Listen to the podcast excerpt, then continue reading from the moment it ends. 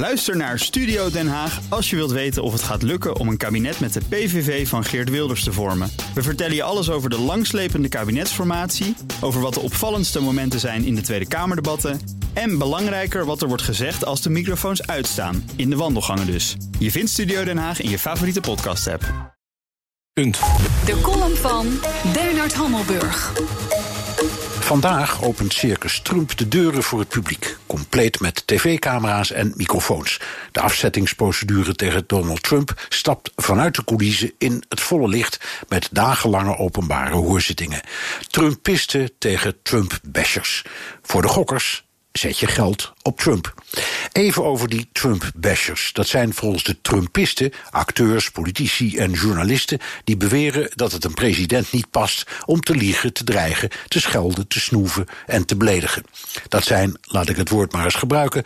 objectief aantoonbare eigenschappen van Trump. Als je over bashing praat, is hij zelf de onbetwiste kampioen. Dat is iets anders dan oordelen over verdiensten en missers. Zijn presentatie is, zullen we maar zeggen, opmerkelijk.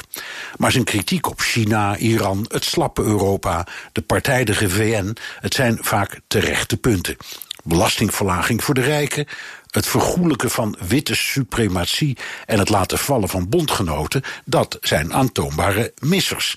Maar als je dat zegt, trekt al ras een zwerm razende twitteraars en e-mailers over je heen als sprinkhanen over een akker. En ze sissen allemaal. Smerige Trump-basher.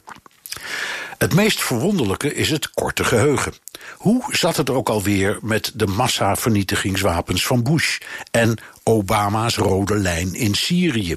Wie toen te kritisch zijn vinger opstak, werd ook voor Basher uitgemaakt. Vooral kritiek op Obama, dat was een soort heiligschennis.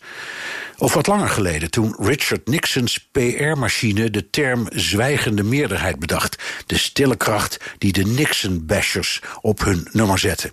De felheid, de harde confrontatie tussen republikeinen en democraten, de scheldpartijen, de verdachtmakingen. Het leek toen opmerkelijk veel op nu.